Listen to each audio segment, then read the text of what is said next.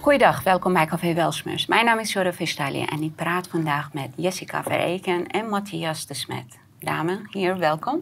Dank je wel, Jorre. Dank u wel. Matthias, we hebben elkaar vaker gesproken en uh, je bent heel druk en heel goed bezig. Wereldberoemd inmiddels. Je bent mijn favoriete professor, dat weet je. Nogmaals, welkom. Jessica, je bent uh, voor het eerst hier bij ons. Mm.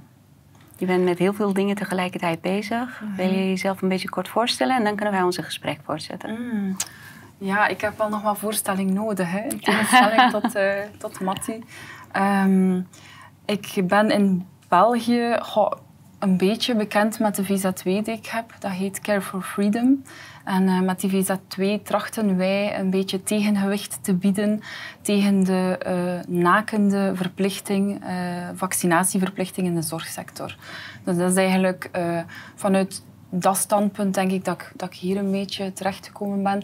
In het normale leven of in het dagelijks leven ben ik uh, fysiotherapeut, denk ik dat jullie dat noemen.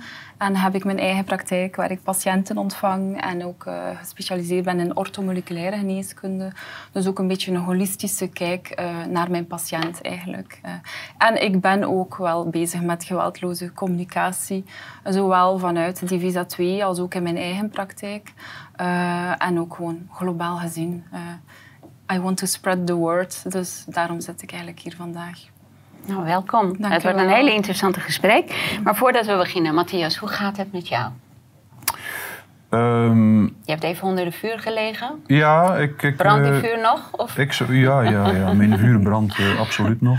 Uh, ik heb wel eens rustiger en betere tijden gekend. Hmm. Maar ik um, voel alleen maar een rustiger vastberadenheid om door te gaan op het spoor waarop ik al wandelde.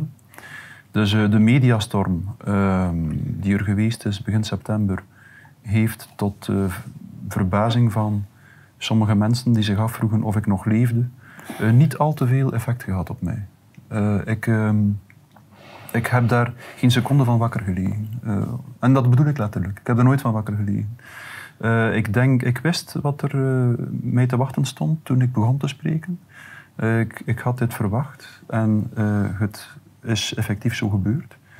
Um, ik, uh, het is samengekomen met uh, een turbulente en moeilijke periode op een aantal andere vlakken ook. En dat maakte het soms wel lastig. Uh, maar ik denk dat dit iets is wat gewoon bij het proces hoort dat zich in deze tijden afspeelt. Mensen die rustig proberen om een alternatieve mening te laten klinken, moeten zich aan weerstand verwachten. En als ze zich daar niet tegen verzetten, dan zullen ze zien dat die weerstand hen precies vormt en hen precies helpt om vooruit te komen, eerder dan dat het hen kapot maakt. En het, dan, ik, ik geef altijd lange antwoorden op de vragen, maar ik ga, ik ga, ik ga daarmee afronden. Ik ga nog één iets, één, iets, iets aan toevoegen.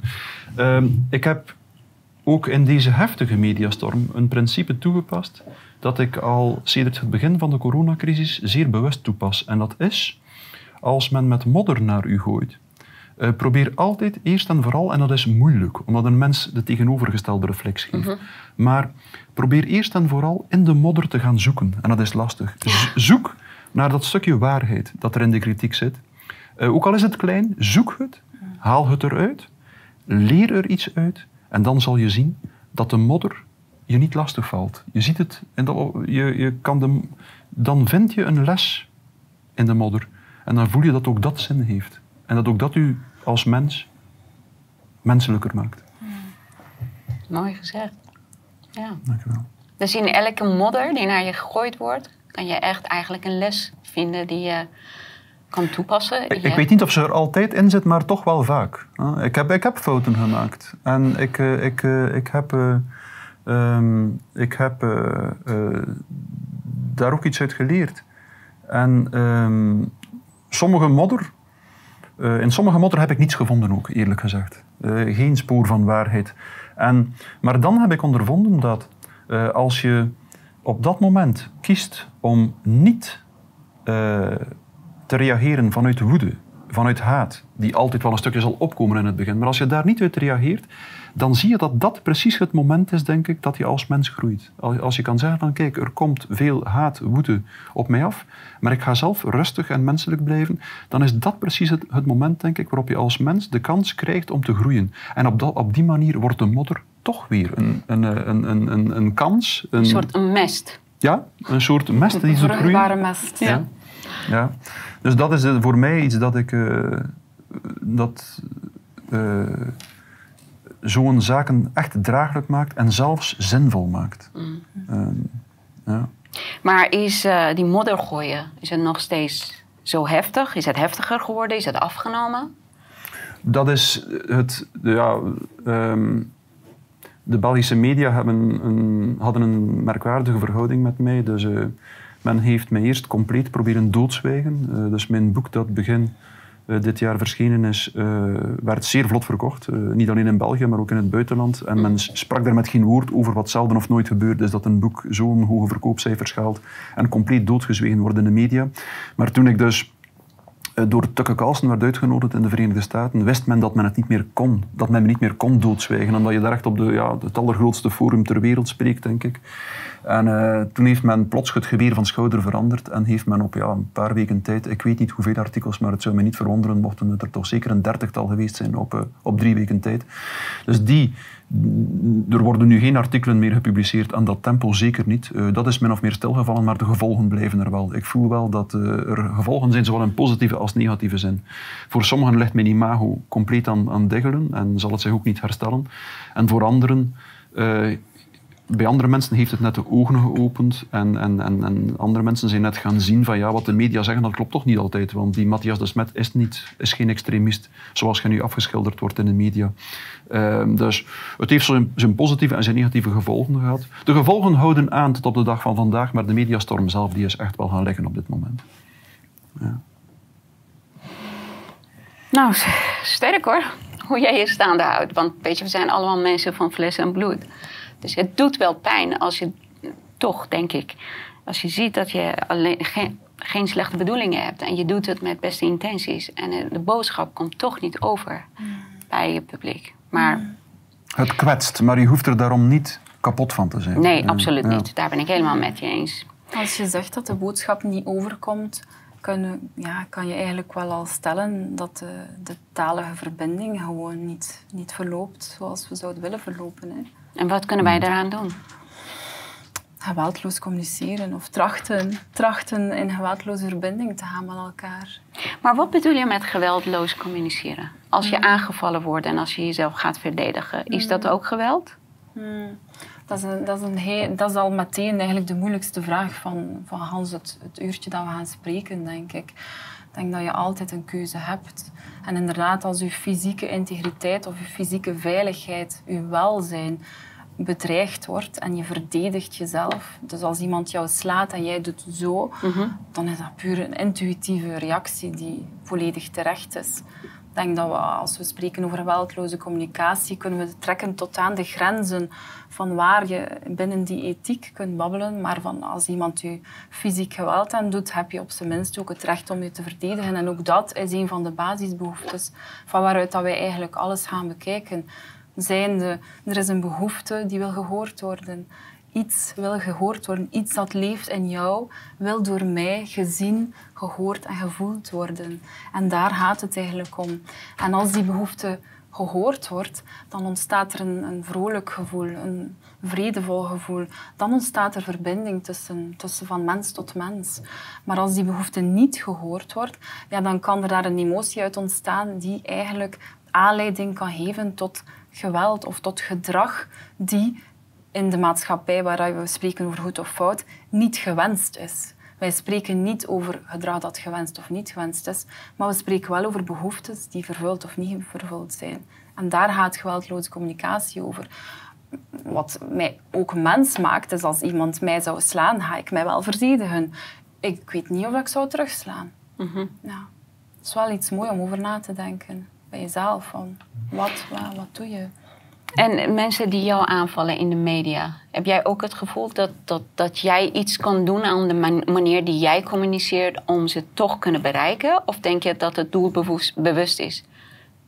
Ehm, dat ze jou niet willen horen? Het is een mengeling, denk ik, zoals altijd. Een mengeling van bewuste en onbewuste uh, drijfveren die uh, iemand, die, die uh, journalisten en zo uh, drijft om, om, om, om iemand aan te vallen en iemand plots tot zondebok te maken. Um, ik uh, heb daar zeer kalm op gereageerd zelf. Uh, ik heb een substack, een kort essay geschreven over, over de manier waarop ik aangevallen werd.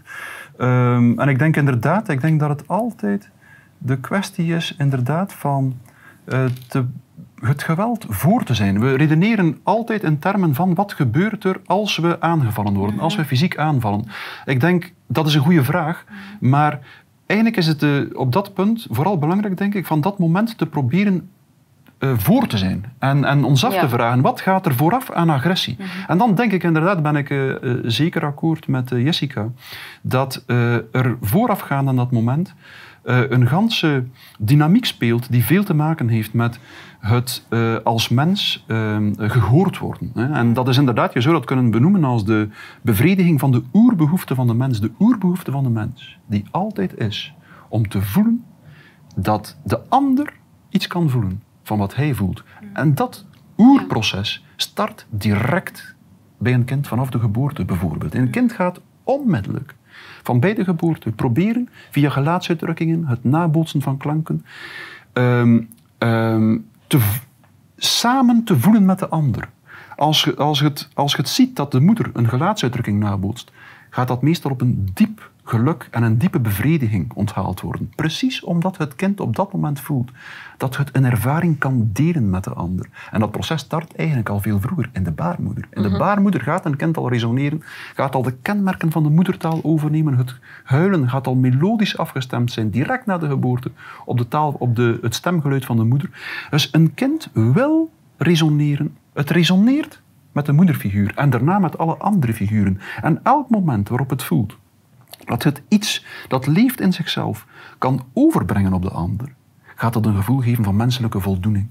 En elk moment waarop het voelt dat dat niet lukt, elk moment waarop het iets probeert te zeggen, en het voelt dat wat het probeert te zeggen niet gehoord wordt, dat het niets doet trillen in de ander, dat het kind er niet in slaagt om de ervaring die het heeft op te wekken in de ander en echt te laten voelen door de ander, gaat er frustratie optreden en gaat men inderdaad een richting inslaan die eindigt uiteindelijk in verbale en dan fysieke agressie. En dat, dat, een, dat proces moeten we zo goed mogelijk gaan begrijpen. En we moeten gaan beseffen dat de eerste ethische plicht die elke mens heeft in elk gesprek is een bepaalde ruimte creëren waarin hij iets kan laten klinken en resoneren van de ander. En dat vooronderstelt een aantal zaken. Dat vooronderstelt dat we nooit zo overtuigd zijn van ons eigen gelijk dat we niet meer willen luisteren naar de ander. Dat we altijd zeggen, wacht, ik denk dat ik iets weet, maar ik ben niet zo zeker dat ik niet meer wil luisteren naar de ander. Dat ik geen ruimte meer kan bieden aan de ander om iets te laten doorkomen van zijn gevoel bij mij. Mhm. En we moeten ons goed afvragen van waar dat komt. Die Waarom sluiten we ons af? Dat zien we nu massaal. Iedereen sluit zich af voor iedereen. Het mainstream verhaal sluit zich af voor het alternatieve verhaal. Binnen het alternatieve verhaal sluiten de complotdenkers zich af van de spirituele denkers, enzovoort enzovoort. Je hebt overal mensen die zo overtuigd worden van hun eigen mening, hun eigen visie, dat ze niet meer die minimale ruimte hebben om de visie van de ander in zichzelf even te ontvangen en te laten bestaan. Mhm. En dat heeft veel te maken met de dynamiek van het ego. Ons ego is de sluitende instantie. Ik uh, ben een nieuw boek aan het schrijven waarin ik daarover spreek.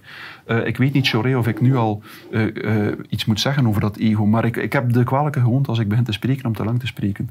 Maar het ego, je kan dat haarfijn, technisch uitleggen waarom het ego afsluit. Waarom het ego, zijnde de identificatie met het uiterlijke ideaalbeeld, een sluitend effect heeft. Waarom precies het ego ervoor zorgt dat we niet meer in staat zijn om de ander te laten spreken en die woorden resonerend te ontvangen, die oerbehoefte te bevredigen van de ander. Om te horen dat de ander iets voelt van wat de spreker voelt. Het ego sluit dat af. Het ego zorgt dat die resonantie er niet meer kan zijn. Je hebt mij een e-mail gestuurd. Mhm. Met, ehm, gewoon voordat uh, dat je hier komt. Je hebt iets geschreven in je e-mail en ik vond het heel mooi. Gevoelens, gedrag, oordelen zijn niet meer dan ongelukkige uitingen van onvervulde behoeftes. Mhm. Kan je dat verder uitleggen? Want dat sluit aan naar, aan wat, wat Matthias net zei. Ja, ik was daarnet eigenlijk ook iets mooi aan het denken uh, toen dat Matthias iets zei over uh, dat ego. Eigenlijk helpt het om elkaar te zien van mens tot mens en niet meer elkaar te zien als een label, als in jij bent anders dan mij, je hebt een andere mening, jouw mening is goed of slecht. En als je die verbinding kunt maken van mens tot mens, dan merk je dat er een soort van verzachting ontstaat. En het is in die ruimte van die verzachting dat dat ego terug, ja, terug wordt tot iets. Want het is dat, dat, die rigide structuur van dat ego die ervoor zorgt dat, dat je de woorden van de ander in feite euthanaseert nog voordat ze geboren worden. Eigenlijk kun je de woorden van de ander al monddood maken nog voordat ze geboren worden. En daar loopt het vaak mis, om daar even aan te vullen op wat jij zei. Dat leunt heel goed aan bij wat we in de geweldloze communicatie trachten te doen. Dat is mee surfen op de golf, op de energetische golf van de ander. Zijnde, vertel mij wat er leeft in jou. En wat er leeft in jou, of wat er leeft in jou, dat zijn jouw behoeftes. Dus eigenlijk zijn wij alleen maar een vat vol behoeftes. Wij worden geboren en onmiddellijk voelen we al de behoefte om bij, de, ja, de veiligheid van de borst van de mama te komen. Dat is een basisbehoefte. Zo zijn er ook behoeftes naar uh, fysiek welzijn, gewoon veiligheid. Maar ook de behoefte om te gaan verbinden. De behoefte om... Uh, naar authenticiteit, behoefte naar autonomie, um, allerlei behoeftes. En van daaruit gaan we kijken. Als die niet vervuld zijn binnen u, dan gaan die altijd zich op een, ja, een suïcidale, een jammerlijke, zelfs soms een onnozel kinderlijke manier zich naar buiten. Dat gaat altijd zich profileren. Dat gaat, eigenlijk is dat een profilerings... Ik noemde het daarnet in de auto. Een ongelukkige profileringsdrang van mijn behoefte die niet vervuld is. Wij zijn eigenlijk zo opgevoed dat wij heel vaak de verantwoordelijkheid van de vervulling van onze eigen behoeftes bij de ander leggen. Daarom gaan wij ook heel snel ja. naar buiten. Oh, het, het, voelt niet goed in mij. Ah, jij mocht het oplossen. Dus ik geef het eigenlijk aan de ander onder de vorm van een oordeel, onder de vorm van een agressie, frustratie, een gevoel met een, een actie daaraan gebonden. En dat is vaak geweld en frustratie. Maar ook verdriet. En teleurstelling. Ook angst, ook teleurstelling. Je ziet het ook heel vaak in de relaties, hè, dat Ja. het misgaat. Want je ziet dat, je zit, ik hoor het heel vaak, ze zeggen, hij of zij maakt mij niet meer gelukkig. Ja, dan kan je zeggen eigenlijk vanuit geweldloze zou je zeggen van ik voel mij niet gelukkig ehm, omwille dat de behoefte naar verbinding niet vervuld is. En eigenlijk neem je ook het eigenaarschap van dat gevoel. Het gevoel is niet jouw schuld. Het gevoel is iets wat ik voel. Ik neem het terug bij mij. Verwachting eigenlijk, toch? Ja, ja, je legt eigenlijk verantwoordelijkheid van je gevoel in, bij de ander, terwijl dat eigenlijk bij u hoort te zijn. Als je, natuur, als je natuurlijk... ehm, wij leven in een statische, eh, ja, een statische constructie waarin dat je altijd werkt met straffen en belonen, met iets is goed of fout. We hebben ook nooit geleerd hoe het, hoe het kan zijn van eigenaarschap te nemen over je gevoelens en je behoeftes, maar ook rekenschap te houden met de ander door te gaan luisteren. Ik, eh, komt een voorbeeld bij mij naar boven. Tweeënhalf jaar lang zeggen mensen: Dit is niet wat we willen. We voelen on- ons niet eh, gelukkig. En ze gaan alsmaar door. En het wordt alleen maar zwaarder, heftiger, ondraagbaarder.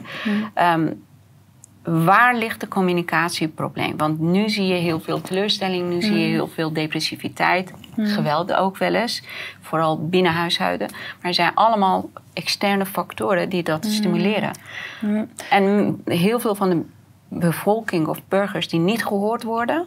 En de overheid of de uitvoerders in de overheid die niet horen. Waar gaat dat mis? Ehm, ik heb net eigenlijk een heel interessante ehm, een paar ja, podcasts en lessen gekregen over de manier waarop dat Marshall Rosenberg, de, de founder van geweldloze communicatie, kijkt naar autoriteiten. En daarin zie je dat je als autoriteit eigenlijk you're supposed to. Hè. Het is eigenlijk de bedoeling dat je als autoriteit niet werkt vanuit ik heb de macht om jou iets te poneren en ik kan jou straffen of belonen als je dat niet doet, maar werkt vanuit ik ben autoritair in bijvoorbeeld spreken over geweldloos communiceren. Ik noem maar iets. Ik kan jou iets bijbrengen. Dat datgene dat ik jou kan bijbrengen uh, is voor u kan voordelen opleveren, kan ervoor zorgen dat jij je goed voelt. En jij voelt je ook veilig. Eh, er is een veilige setting waarin dat er geen verplichtingen zijn, waarin dat er ook geen oordeel is als je de keuze maakt om niet te luisteren. Je heeft eigenlijk een warme uitnodiging. Dus de warme, het warme uitnodigende karakter de laatste twee jaar en een half heb ik geen enkele regering horen zeggen van wij nodigen onze bevolking warm en open uit op vrijwillige basis om u eventueel te laten vaccineren. Dat, dat, dat, is niet gebeurd. Dat is een eis geweest. Met een, wij poneren iets, wij eisen iets. En voordat je iets eist of een correctie brengt, moet je altijd trachten empathisch te resoneren. Anders betaal je vroeg of laat een prijs. Dus dat empathisch resoneren die normaal gezien vooraf gaat, voor ik een vraag stel en ik eis iets van jou, ga ik altijd eerst trachten verbinding te leggen van oké, vertel ik hier, hoe, hoe voelt dat voor u? En zo voelt dat voor mij. Ik leg u uit hoe het voelt voor mij, jij legt mij uit hoe het voelt voor u. En vanuit dat resoneren met elkaar kunnen we eventueel een, een, een dat, dat noemt dan geen eis, maar bijvoorbeeld een verzoek ik heb een verzoek die ervoor kan zorgen dat, ik, dat mijn behoeftes beter zich gehoord voelen. Maar dat is op geen enkele manier gebeurd. Nee, maar Jessica, is dat niet te idealistisch om zo te denken? Want dat is dan een ideale situatie met mhm. twee gezond denkende partijen. Ja. Ja. En het ontbreekt altijd van één kant empathie, begrip. Eh, dus mhm. hoe kan dat kan jij misschien wat hierover zeggen? Hoe kunnen we dat voor elkaar krijgen? Wel, ik, ik denk dat uh, dat dit samenhangt met een veel breder cultureel probleem. Onze cultuur uh, vertrekt, onze verlichtingscultuur vertrekt, steeds, vertrekt uh, zeer sterk vanuit de gedachte dat rationele kennis uh, de basis moet zijn van het menselijke samenleven. We zien nu bijvoorbeeld dat men gelooft dat een maatschappij eigenlijk zou moeten geleid worden op basis van wetenschappelijke rationele kennis. Wetenschappelijke rationele kennis is goed, maar echte wetenschap beseft altijd in de eerste plaats dat geen enkel weten ooit volmaakt is en dat er altijd meerdere meningen nodig zijn. En die echte wetenschap laat daarom altijd ruimte voor andere meningen. Dat is de basis van wetenschap. Het dialectische proces these, antithese, synthese. En het besef dat er altijd een antithese zal zijn. Op elke uh, uh, these. Dus dat er nooit een volmaakt weten is. Dat is echte wetenschap. Echte wetenschap laat ruimte. Echte wetenschap vertrekt vanuit niet weten. Ik weet niet en ik laat de werkelijkheid tot mij spreken. Ik laat andere mensen spreken. En dan, maar die wetenschap is vervangen door wetenschapsideologie.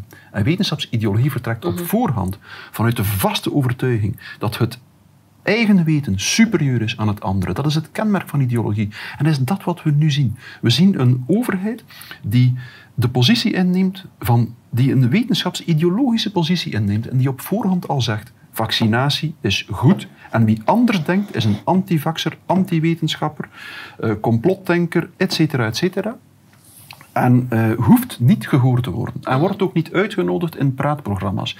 Dus de kern van ons probleem van ons culturele probleem zit hem in het feit dat er de overheid de positie inneemt van iemand die uh, een superieur weten vertegenwoordigt. Meer en meer. En dat geldt niet voor iedereen in de overheid. Maar dat is het structurele probleem. Het structurele probleem zit daar dat er een, uh, dat er, dat er een soort fundamenteel onvermogen is om nog tot een echt debat met echt gesprek, ik hoor veel mhm. liever het woord gesprek, tussen mensen met verschillende meningen, uh, om dat tot het centrum van een samenleving en een cultuur te maken. En dan eindig je inderdaad in een situatie waarin veel mensen zich uh, niet meer erkend voelen in hun eigen subjectieve ervaringen of hun oerbehoeftes, zoals jij ze noemt, hun fundamentele behoeftes. Uh, dat mensen het gevoel hebben van ja, die kunnen niet meer erkend worden door, uh, door, door, door in de publieke ruimte. En dan krijg je inderdaad een situatie die, waar je steeds meer polarisatie krijgt en waar er steeds meer uh, spanningen komen, frustratie komen en à la limiet, als we niet opletten, dus agressie en geweld. Maar wat kunnen wij eraan doen dan? Hmm. Wat kunnen wij hieraan doen?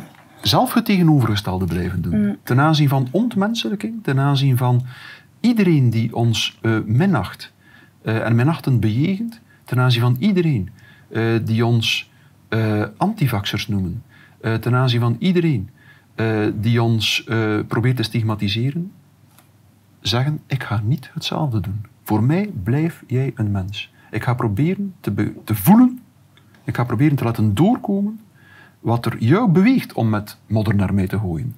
En zo verder enzovoort. Zonder, hè, dus ik vind dat, we moeten zelf die openheid, of ik ga dat op zijn minst zelf proberen, die openheid te geven van, kijk, oké, ik ga blijven u behandelen als mens, ook al probeer jij mij te ontmenselijken. Dat is wat we moeten doen, denk ik, eh, om die dynamiek te doorbreken. Om te zorgen dat we niet steeds verder escaleren en niet steeds meer in een maatschappij geraken waar verschillende partijen radicaal tegenover eh, elkaar komen te staan en geen enkel vermogen meer hebben om de ander te herkennen in zijn mens zijn. Ik denk dat dat een zeer belangrijk iets is. En bij mij persoonlijk betekent dat niet dat ik alles ga tolereren, goedkeuren of Ja, dat ik dat wil ik duidelijk hebben. Nooit. Ja, dat is- bij mij ja. is het duidelijk. Ik, heb mijn, Waar, waar ligt de grens dan? Ik conformeer mij niet.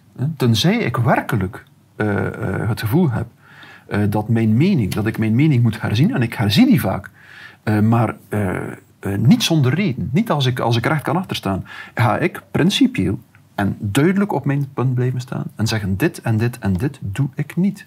Hier, hier ga ik niet in mee. Dit is niet wie ik wil zijn. Dit is niet mijn visie op het leven. Dit is niet mijn visie op samenleven.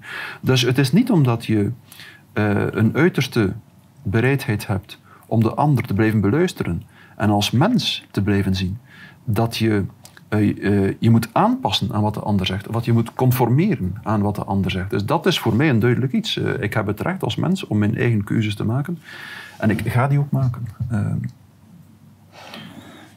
Hoe kijk jij hiernaar? Op dezelfde manier, maar met andere woorden. Voor mij voelt het vooral... ehm, ik vind het heel veilig, tegenwoordig vind ik het zelfs veilig om mij kwetsbaar op te stellen. Het gaat hem over kwetsbaarheid. En eh, ik merk als ik eh, met iemand in conversatie wil gaan die per definitie, dus als je een cirkel tekent en ik sta hier op de cirkel en ik wil gaan converseren en gaan, gaan, gaan resoneren met de persoon die rechtlijnig tegenover mij staat. dat, dat toont een zekere kwetsbaarheid om dan niet de neiging hebben op, op jouw eigen cirkel een beetje naar links en een beetje naar rechts te verschuiven, maar echt gewoon de weg rechtdoor te maken en te zeggen van oké, ik ga naar de persoon rechtlijnig tegenover mij staat en ik zet de eerste stap weg van die cirkel. Dat is een zekere kwetsbaarheid. En ik heb ook al aan de lijve ondervonden als ik mij kwetsbaar opstel en zeg van hé, hey, weet je wat, ik ben eigenlijk ook maar een mens. Ik ben eigenlijk maar een moeder die het beste voor haar kind. En ja, en ik heb behoeftes en die zijn niet vervuld. En van daaruit dat ik soms inderdaad hard of scherp uit de hoek kan komen. Ja, de ander gaat, er gaat iets, er gaat iets open gaan bij de ander. Er gaat een soort van hé hey, ja, amai, hier zit een mens voor mij. En dan ontstaat er die ruimte waarin dat je eigenlijk... Ja, Ik denk in- dat is ja, ook een reden dat ze vanaf eh, het begin van corona alle menselijke contacten proberen Ja, eh, ja. tegen te houden. Het was altijd via een scherm, via een eh, lijn of via een mobile phone of zoiets. Mm. Maar kijk, die menselijke contact kan je maken met iemand die ook ongeacht of die het zelf doorheeft of niet, open staat voor menselijkheid. Mm. Hoe kan je jezelf kwetsbaar stellen als jij met een organisatie eh, in de problemen komt? Mm. Hoe kan jij dan geweldloos of frustratieloos Mm. je eigen strijd eh, doorzetten? Hmm, frustratieloos, dat, dat bestaat niet. Hè, want ik denk dat we, dat we vanuit de menselijkheid eh, gaat het altijd gepaard. Het is like dat Mattie ook zegt, ja, we- als we staan voor onze principes, dan, dan betalen we ook een zekere prijs. En eh, oh, er is zo'n mooie eh, spreuk vanuit de geweldloze. Dat gaat over de acceptatie van de gebrokenheid. Want inderdaad, wat doe je als de persoon die tegenover jou zit absoluut niet open staat of Ja. het niet wil, het niet kan, het niet zal doen, ja, dan blijf je zelf in zachtheid. Ten eerste, dat is het allerbelangrijkste. Blijf in je kwetsbaarheid. Neem je eigenaarschap en blijf zelf gewoon voor je, voor je principes staan vanuit het, het, het geweldloos kijken naar de dingen. Elk oordeel dat zich aandient, is een cadeau voor jezelf. Want elk oordeel dat zich aandient, wow, tja, ik heb een oordeel over die persoon. Wow, wat ligt er daaronder? Dus dat is op zich al een verrijking en een verdieping in jezelf. En dan, ja, als het niet anders kan en het conflict raakt op de een of andere manier niet opgelost, soms moet je accepteren dat de dingen nu eenmaal gebroken zijn. En in België noemen we dat soms de helaasheid der dingen. Dat is het, het, stukje, het mystieke stukje in het leven, dat we soms ook gewoon moeten aanvaarden. Dat sommige dingen zwart, dat sommige dingen wit zijn. En, en dat je ze soms kunt vermengen tot, tot 50 en 1 tinten, maar soms ook gewoon zwart-wit is. En ja, trachten toch alle vormen van conflict te vermijden die echt wel invasief, gewelddadig enzovoort is. Dus destructiviteit gaan we sowieso nooit kunnen tolereren en daar moeten we altijd ons tegen verzetten. Maar een meningsverschil mag blijven bestaan en als het niet destructief is voor de een of andere partij, dan ben ik enorm voorstander van het en-en verhaal. Laat ons gewoon samen gedijen met twee meningen die radicaal tegenover elkaar staan. Wie weet, ja, connecteren we wel op andere vlakken. conflicten nodig zijn om om sterker te worden. Ja, absoluut. waarom moet je dat dan continu vermijden? Dat kan uh, niet? Als het destructief wordt. We, we, moeten het vermijden of toch anticiperen voor het een conflict wordt, omdat sommige conflicten nu eenmaal uitdraaien op situaties waarin dat mensen echt wel mensonterend behandeld worden. Dus ergens daar ligt er een ethische grens. Ik weet niet waar dat die ligt, mhm. maar die is wel voelbaar. Een conflict kan heel... Ja, wij kunnen ook stevig ruzie maken als we soms in de auto zitten onderweg naar een lezing. Een conflict, maar dat is een veilig conflict. Een conflict wordt onveilig wanneer je je fysiek welzijn bedreigd wordt, wanneer, u, wanneer al uw vrijheden natuurlijk afgenomen worden, dan kan je ook weer beginnen discussiëren, want je hebt nog altijd keuzevrijheid om te beslissen van ik ga niet naar de VS of ik ga niet. Dat, is, het is een moeilijke discussie, maar voor mij ligt de grens wel op fysieke integriteit als iemand een, een, naald in mijn arm zal proberen te duwen, dan zal ik wel zorgen dat ik die, die persoon vooraf ben. En dat is verdedigen. Ja, dat, dat, is verdedigen. ja, dat is verdedigen. Voor mij ligt hebben wij van natuur in ons. Ja. ja. dat hebben we van natuur. Al de rest is voor interpretatie vatbaar. Ja. ja. En waar ligt bij jou de grens, Matthias?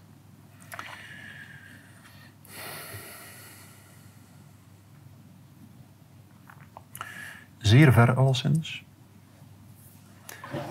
Um,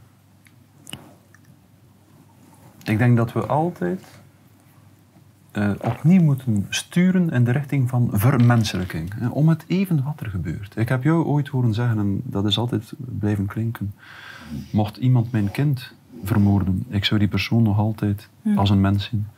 En dat zegt waar de grens ligt voor Jessica. En uh, ik probeer hem ook zo ver te leggen.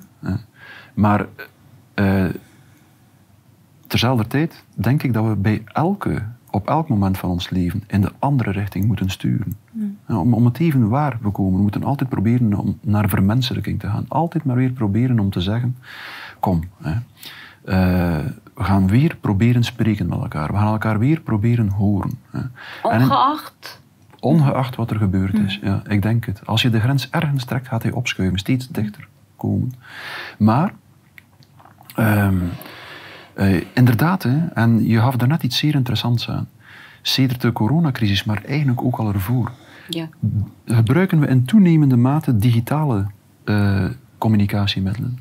Uh, en die digitale communicatiemiddelen zorgen precies dat we nog zeer moeilijk in de juiste richting kunnen opschuiven. Dus er is iets... Ik, ik bestudeer eigenlijk al uh, 15 jaar lang therapeutische conversaties tussen therapeuten en patiënten in psychotherapeutische praktijken uh, in mijn onderzoek aan de Universiteit van Gent. En ehm, om dat onderzoek te doen, typen wij uh, die conversaties enorm gedetailleerd uit. Zo gedetailleerd dat de transcriptie van één zin soms bijna een gans blad beslaat. Um, en uh, dat heeft me getoond hoe ongelooflijk subtiel en subliem echte conversaties tussen mensen zijn. om u een voorbeeld te geven, in een echte conversatie reageren mensen op elkaar op minder dan 0,2 seconden. En als de ene persoon stopt met spreken, bijvoorbeeld, gaat de andere typisch overnemen. Mhm. Op minder dan 0,2 seconden. Dat is vijf keer sneller dan de reactietijd in het verkeer. Waarom is dat? Hoe heeft een mens dat ongelooflijke vermogen om zo snel te reageren in een gesprek? Omdat twee mensen die in de echte wereld met elkaar spreken, fysiek met elkaar resoneren. De spieren van de ene van de persoon die luistert spannen zich op dezelfde manier op als de persoon die aan het spreken is. Spieren op het gelaat, spieren in het lichaam. Gans het lichaam trilt samen. Ja. En daardoor kunnen mensen zo gigantisch snel op elkaar reageren. En daarmee vervullen ze die oerbehoefte. Het is dat samen trillen, samen resoneren in een gesprek, dat voor een voldoening zorgt van een, van een oerverlangen, eh, waarvan we, we ons niet meer bewust zijn. En dat, precies de, eh, de bevrediging van dat oerverlangen, blijft volledig uit. Of blijft een groot stuk uit in een digitale conversatie. Waarom? Omdat de digitalisering van het gesprek altijd voor een bepaalde vertraging zorgt, een bepaalde verstoring zorgt, die op zich zeer klein is, maar die groot genoeg is om Hans dat subtiele, die subtiele connectie te verstoren. En vandaar, als we lang digitaal spreken met elkaar, hebben we een ondefinieerbaar, onbestemde, onbestemde gevoel van dofheid en uitputting in ons lichaam. En dat is omdat onze lichamen via de digitale connectie voortdurend proberen te connecteren en ze daarin niet slagen. En dat is eigenlijk een effect die dat soort disconnectie, disruptie, disruptie tussen mensen, die digitalisering teweeg brengt, wordt ook teweeggebracht door industrialisatie, mechanisatie van de wereld. En het is dat wat er ongemerkt voor zorgt dat we dus de, de oerverlangen, dat oerverlangen naar connectie niet meer kunnen realiseren. Dat we steeds meer, zoals Hannah Arendt en de Frankfurter Schule zegden, een geatomiseerd subject worden. Dat de maatschappij steeds meer een los zandmaatschappij wordt, waarin iedereen op zijn gsm zit te tokkelen, niemand nog echt spreekt en resoneert met elkaar, en waarbij de maatschappij volledig klaargestoomd wordt voor massavorming. Want al die geatomiseerde mensen sluiten zich plots eensklaps aan elkaar tot één massief blok die een massa is. En dat de volgende stap is totalitarisme. Eerst krijg je massa, dan krijg je totalitarisme. En dus inderdaad, ehm, eh, we, we, we, eh, we moeten beseffen dat de kwaliteit van de talige connectie cruciaal is. is de basis van samenleving en de basis van menselijkheid. Dat verbindend spreken is de essentie van de zaak. Het is die kunst die we moeten praktiseren. Die kunst van het verbindend spreken is die kunst die we moeten cultiveren en praktiseren om een maatschappij te krijgen die een echt menselijke maatschappij is en om een alternatief te bieden voor datgene wat zich nu opdringt.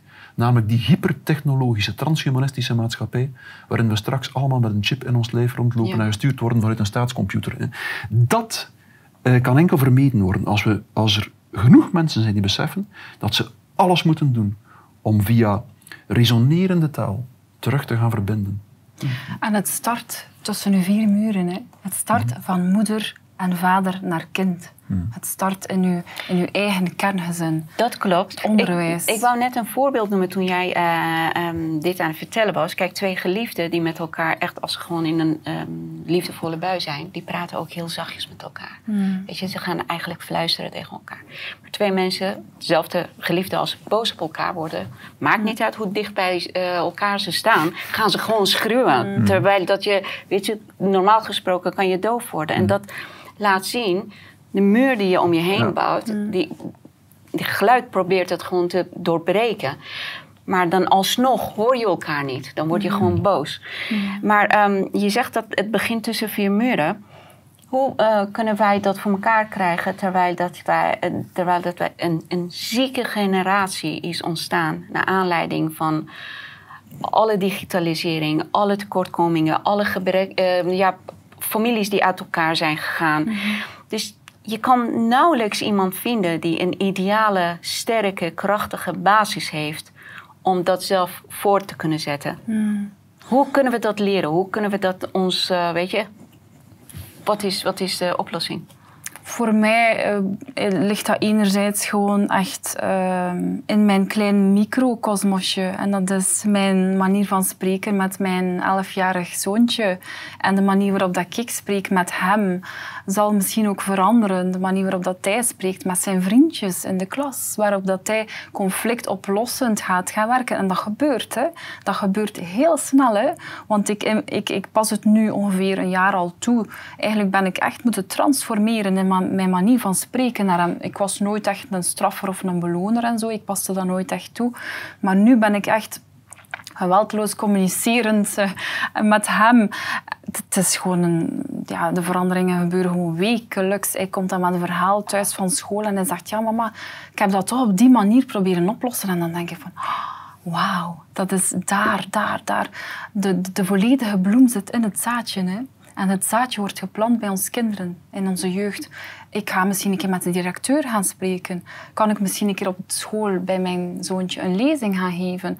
Kan ik misschien aan de schoolpoort met een andere ouder die, waarmee dan mijn kind een conflict heeft, een keer in, in, communicatie gaan? Kleine, kleine, kleine tentakeltjes die zich uitspreiden. En als ik dat doe en, en jij doet dat en jij doet dat ook, dan hebben we al veel meer mensen een bereik. Hoe kunnen we het doen? Door het eigenaarschap te nemen en, en, en bij te leren over geweldloze communicatie. Zoek het op. Wat is het? Welke taal gebruiken we dan? Ja, mensen doen niet anders tegenwoordig dan een podcast luisteren. Er zijn heel veel goede podcasts. Luister tien uur naar Marshall Rosenberg en je zal al weten eigenlijk voor, voor een derde hoe je geweldloos moet communiceren met iemand. En dan gaat het er vooral om, je moet het ook voelen. Je moet het echt voelen en het verlangen van, van intern. Bij mij is er daar een verlangen om te gaan verbinden met de ander, omdat ik ook voel hoe, hoe weinig vervulling ik heb als ik niet verbonden ben. Hoe onveilig het voor mij aanvoelt als ik in mijn brein blijf en alleen maar cognitief kan verbinden met de ander.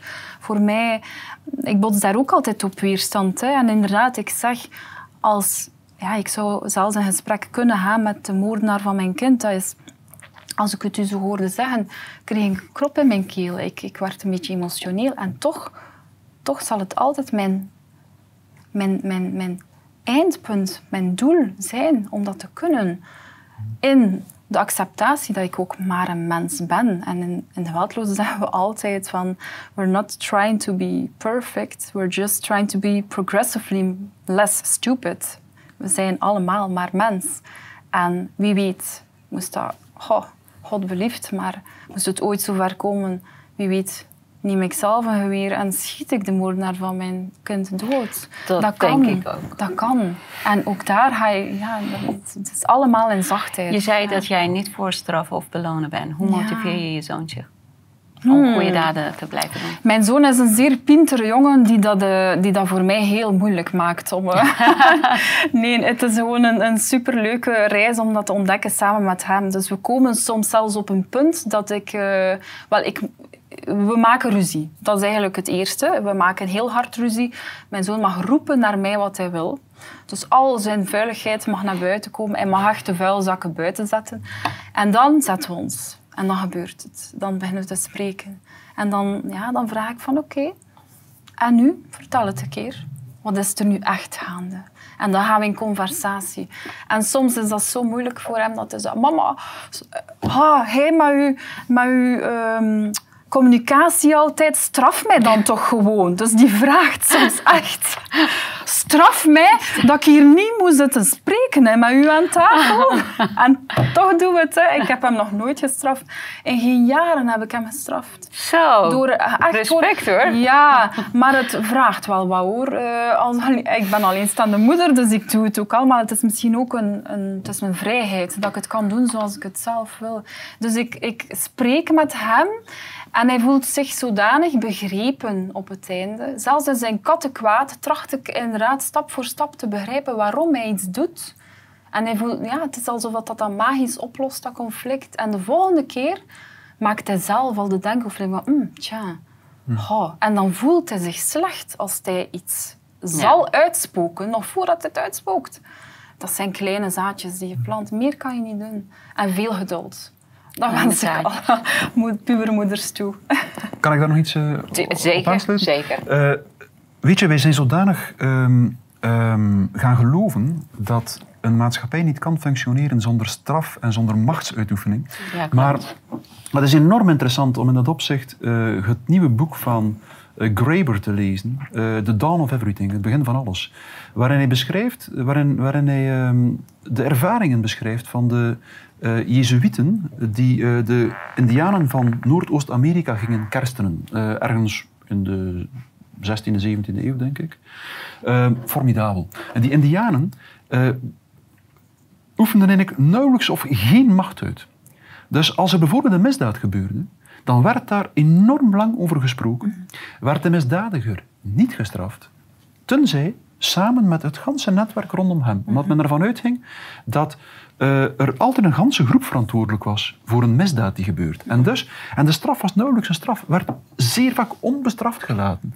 Omdat men het gevoel had van, kijk, het gesprek heeft voldoende opgeleverd. We hebben ontdekt waar de wortel van het probleem zit. En we, uh, we, uh, er hoeft geen straf meer. En dat is werkelijke menselijkheid, denk ik. En de Jezuïeten noteerden dat. Ze waren zo eerlijk om toe te geven, die Indianen slagen op een onwaarschijnlijke manier erin om nauwelijks macht uit te oefenen in hun samenlevingen. En als men zich de vraag vroeg, hoe kan dat? Dan was het enige antwoord, omdat ze elke week uren en uren besteden aan echte publieke mhm. gesprekken. Mhm. En dat leidde er onder andere toe dat de Indianen een ongelooflijke taalvaardigheid ontwikkelden, zonder ooit naar school geweest te zijn, en een argumentatie en redeneerkracht die ongezien was. In die mate dat de uh, beste redenaars van de indianenstammen, zoals Karyandong, uh, naar Europa werden uitgenodigd om aan te schuiven aan de dissen van de klerus en de adel, puur om dat genot te beleven van die mensen te horen spreken, omdat ze zo ongelooflijk taalvaardig waren en zo ongelooflijk goed konden argumenteren.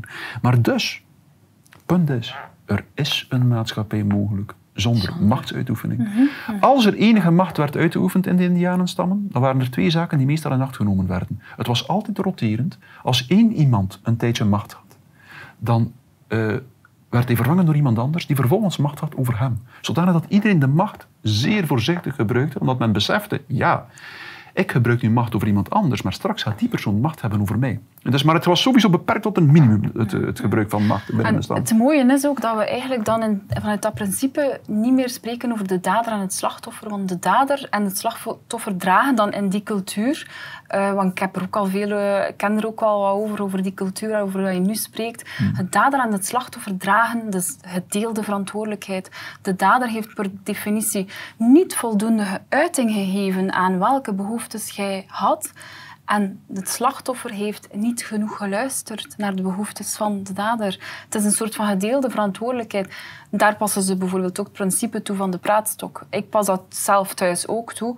Degene die spreekt in zo'n vergadering of een volksvergadering waar je het over hebt, degene die spreekt, blijft spreken tot iedereen in de ruimte het begrepen heeft. Het begrepen heeft en het zodanig begrepen heeft dat ze het echt kunnen uh, implementeren, dat ze het kunnen tonen. Dat je niet zomaar zeggen, ik begrijp het. Hoe rap zeggen wij niet, ja, begrijp het. Om er vanaf te zijn. Om er vanaf te zijn. Mm. Maar de praatstok blijft bij de spreker tot iedereen het begrepen heeft. En pas dan gaat hij door naar de volgende spreker en iedereen komt aan het woord. Dus op het einde, al duurt dat uren, dan zit je dagen samen. Op het einde zal iedereen met elkaar empathisch geresoneerd Heb ik het goed? Zei je dat een slachtoffer heeft niet genoeg geluisterd naar de Zijn behoeften? naar de behoeften van de ander. Ah. En ook zijn eigen behoeftes misschien niet, niet altijd gerespecteerd. Dus een, als, ja, natuurlijk, dat is, dat is weer een ethisch een heel moeilijke discussie. Maar als ik het nu heb over uh, de trials waar jij het over had bij de Native Americans, dat de mhm. dader zelden gestraft werd, omdat het eigenlijk ook de verantwoordelijkheid van de... Hanse netwerk. Van het ja. Hanse netwerk. Het netwerk is juist een netwerk omdat wij moeten zorgen dat we elkaar, de, soort van gedragenheid is voor elkaars behoeftes. Voor eigenaarschap over je eigen behoeftes, maar het ook dragen van de ander zijn behoeftes. En iemand die een die, die, die misdaad behaat, mhm. ja, doet eigenlijk gewoon weer, wederom een jammerlijke uiting van een behoefte die niet vervuld is. Mhm. Die heeft die behoefte dus ook niet ja, medegedeeld. Mhm. Als ik nooit zeg dat ik behoefte heb uh, aan... Uh, zeg maar iets, uh, erkenning. En ik uit dat nooit, zal er op een moment in mijn carrière ook wel een moment komen waarin dat ik enorm uitspatting heb of voel omdat die behoefte al jaren na jaren onderdrukt geweest is. Het is wel, ja, het is aan mij om die behoefte naar buiten te dragen, maar het is ook aan mijn, mijn commune en mijn, mijn possen, mijn gezinsleden en mijn netwerk om, om die behoeftes ook te aanhoren. Maar dan moet je ook gewoon die behoefte verdienen, toch? Als je, als je bijvoorbeeld ergens behoefte aan hebt en je spreekt het uit. Het is niet aan anderen om het alleen maar te horen, maar jij moet het ook verdienen om die behoefte toegekend te krijgen. Bijvoorbeeld als je erkenning nodig hebt, dan moet je ook in de aanmerking komen voor die erkenning. Ja, dan, dan... Is dat niet zo? Dat maakt, ja, ik, dat maakt mij een beetje droevig om dat zo te horen, want dan ga je er ook weer vanuit dat je iets moet verdienen. Oké, Ja. die weer eh, beloning- en strafsysteem. ja, en, jij- en dan kom je altijd weer op het... e- Eigenlijk komt het altijd weer op Maar hetzelfde is dat neer. niet gewoon hetzelfde waar wij nu mee tobben met die genderfluid? Dat iemand zegt, nou, ik ben een vrouw, ik heb de behoefte om als vrouw Ja, gezien te worden. ja. Ik wil naar vrouwenwc. Ja, Dat, dat, dat, dat, weet je, waar ligt de grens? Kijk, het is een hele mooie idealistische eh, doel, maar de grens is zo onduidelijk. Ja. Dat, dat je Ja. weet niet wanneer je met een normale menselijke behoeftes te maken heeft en wanneer is het gewoon is doorgedraaid. het doorgeslagen slinger? Tuurlijk, tuurlijk. ja. Ja, er zijn ook, er zijn ook er zijn niet alleen behoeften, er zijn ook principes in het, in het, ja. eh, in het, eh, het eh, beleven van behoeftes. Het is een complex iets in de menselijke cultuur en samenleving. Maar ik denk vooral ook dat we niet mogen onderschatten. Wij proberen nu, eh, denk ik op dit moment, terwijl we hier zitten, een soort oplossingen te bieden hè, voor, voor, voor bepaalde problemen die zich stellen. Ja. Maar net dat is weer het, dat pogen om zonder die eh, eh, sociale gesprekken te voeren, al de oplossing te beredeneren. En dat was net het unieke, denk ik, van die Indianenculturen, dat ze zeer lang spraken. Net zo lang tot de persoon, de familie van het slachtoffer, geen haat meer voelde ten aanzien van de dader. hè. Dat punt moet je bereiken. En dat- Oplossen, echt ja, oplossen. Ja, psychisch oplossen. Ja. En, psychisch, en dan pas kan de samenleving functioneren. Dan mocht je zeggen van, kijk, eh, die dader gaat niet gestraft worden. Eh, ja, zomaar, ja, dan gaat die familie zoveel haat voelen dat er waarschijnlijk weer misdaden zouden gebeuren, dat er wraak zou genomen worden. En Dus we, we, we, mogen, we kunnen het proces van het langdurig spreken op geen enkele manier passeren. Iedere keer weer is het nodig dat iedereen gaat samenzitten en zeggen, en nu gaan we spreken tot alle gif en alle haat en alle agressie uitgesproken is. Werkelijk uitgesproken. En als dat niet zo is, gaan we weer verder spreken. En dat betekende niet, er gebeurde wel een ritueel op het einde van zo'n lang gesprek. Een ritueel waarin de groep eh, rond de, eh, degene die de misdaad gepleegd had, de familie, de groep er rond, wel degelijk iets gaf aan de slachtoffers bijvoorbeeld. En wel degelijk op een bepaalde manier iets toonde dat er een spijt- en schuldbesef was. Dus het was een complex gebeuren. Maar het punt was dat er zelden binnen bepaalde gemeenschappen moest gestraft worden en dat het functioneerde en dat het geen sporen naliet, dat het rust bracht eerder dan eh, eh, eh, giftigheid en, en haat en, en afgunst en van alles en nog wat. Dus ik denk dat de cruciale van de zaak zit hem hierin, denk ik, dat we als cultuur moeten opnieuw een authentieke, oprechte herwaardering krijgen voor de enorme kracht die open gesprekken hebben om alle soorten onzuiverheden, vergiftigde situaties uit de maatschappij te halen. En nu doen we krak het tegenovergestelde. In onze maatschappij groeit het aantal stigma's. Antivaxer, complotdenker, klimaatontkenner, racist. Tut, tut, tut, het groeit elke dag. Elke dag zijn er meer mensen die met een stigma bedacht worden. En die personen worden waarmee men niet meer mag spreken. En we moeten dat echt, als we een nieuwe samenleving willen opstar, op zien groeien, dan moeten we eerst en vooral er een principe van maken om met iedereen te spreken. Om te zeggen van voor ons bestaan er geen mensen waarmee je niet spreekt. Hoe extremer de positie van iemand, hoe meer je moet bereid zijn om ermee te spreken en hoe noodzakelijker het, hoe noodzakelijker het is dat we ermee in gesprek gaan. En nog eens, dat betekent geen sens dat we van alles moeten aanvaarden, goedkeuren eh, enzovoort. Nee, het betekent alleen maar dat, dat we als mens moeten beseffen hoe wezenlijk en fundamenteel de act van het spreken, de kunst van het goede spreken is voor de mens. En daar ga ik mijn volgende boek over schrijven, sorry. Ja, dan komen wij, dan Ja. kom je hier en dan gaan we Ja. dat bespreken. Ik ben eraan bezig. Ja, mooi. Ben, je, ben je bijna klaar met je boek? Nee, nee, nee. nee, nee. Nog niet? Nee, Duurt het lang, denk je? Een jaar, denk Een ik. Ja. Ga je ook gewoon eh, voorbeelden uit de werkelijkheid van nu Ja, ja, in je ja, boek? ja, eh, absoluut. oké. Zeker. Het gaat over het transhumanisme, onder andere. Zo. Het gaat over eh, propaganda en indoctrinatie, die eigenlijk allemaal voorbeelden zijn van spreekpraktijken die eh, ontmenselijken, denk ik. En die uiteindelijk tot radicale ontmenselijking leiden. En daartegenover kan je stellen de act van het waarheid spreken, die altijd een oprecht spreken is, die niet gebeurt vanuit het ego, maar vanuit wat achter de holle schil van het ego ligt, namelijk hier zie je de snaren van ons lichaam, die alleen maar kunnen beginnen trillen als we ons ego dat altijd een identificatie is met het uiterlijke ideaalbeeld, als we dat ego klein genoeg houden, zodanig dat de muziek van het leven erdoor kan gaan, ons instrument bespelen en dat er oprechte klanken kunnen uitkomen eh, die van werkelijk uit ons lichaam komen, uit onze, een- ons innerlijk, uit onze ziel. Mij een mooi dansje Het is, als er, eh, Ja. het is als er zich ledigheid kan, eh, kan aandienen, dat er ook volledigheid kan ontstaan. Hè. Mooie woorden. Ja. Ik denk dat wij hiermee kunnen afsluiten. Heb jij een tip als laatste voor mensen om toch rustig kunnen blijven en communiceren op een moment dat ze denken, "Oef, stoom komt uit mijn oren nu. Oh, een fysieke tip is bij mij, ik, eh, Ademhalen.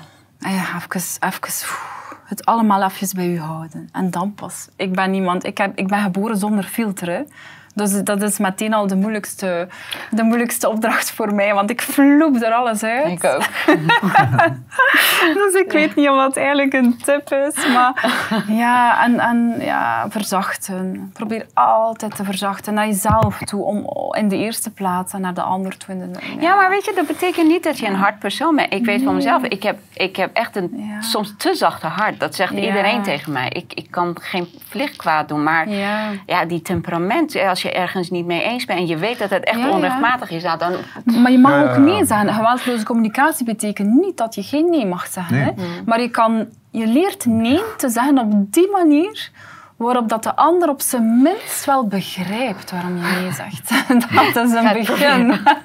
dat is een begin. Maar het is een long life journey. Het is echt... eh, het is een leerproces. ja, het is een leerproces. een En als het leerproces. goed gaat, dan ga je rechtdoor. En dan, dan, dan is het proces, alles wat je oppikt, gaandeweg. Maar ik zei, ik zei het nog in de auto, de weg is lang voor wie in cirkels draait. Dus laat ons vooral al niet in cirkels draaien. En dan, dan zien we wel weer, dag per dag. Mooi. Heb jij een tip voor onze kijkers? Ehm, ja, wel. eh, tips zijn altijd moeilijk, denk ik. Omdat tips eh, opnieuw een vorm van een technisch weten is dat je overdraagt. Hè. Van, Ja, ja, van, je moet het zo doen. Ja, het wordt, dan wordt het weer een dogma en een moeten. En ik denk dat iedereen moet proberen te vertrekken vanuit iets in zichzelf. En ik denk, als ik één iets zou mogen zeggen, probeer ten allen tijde te beseffen dat ook uw mening, uw visie relatief is. Dat ze niet volledig is.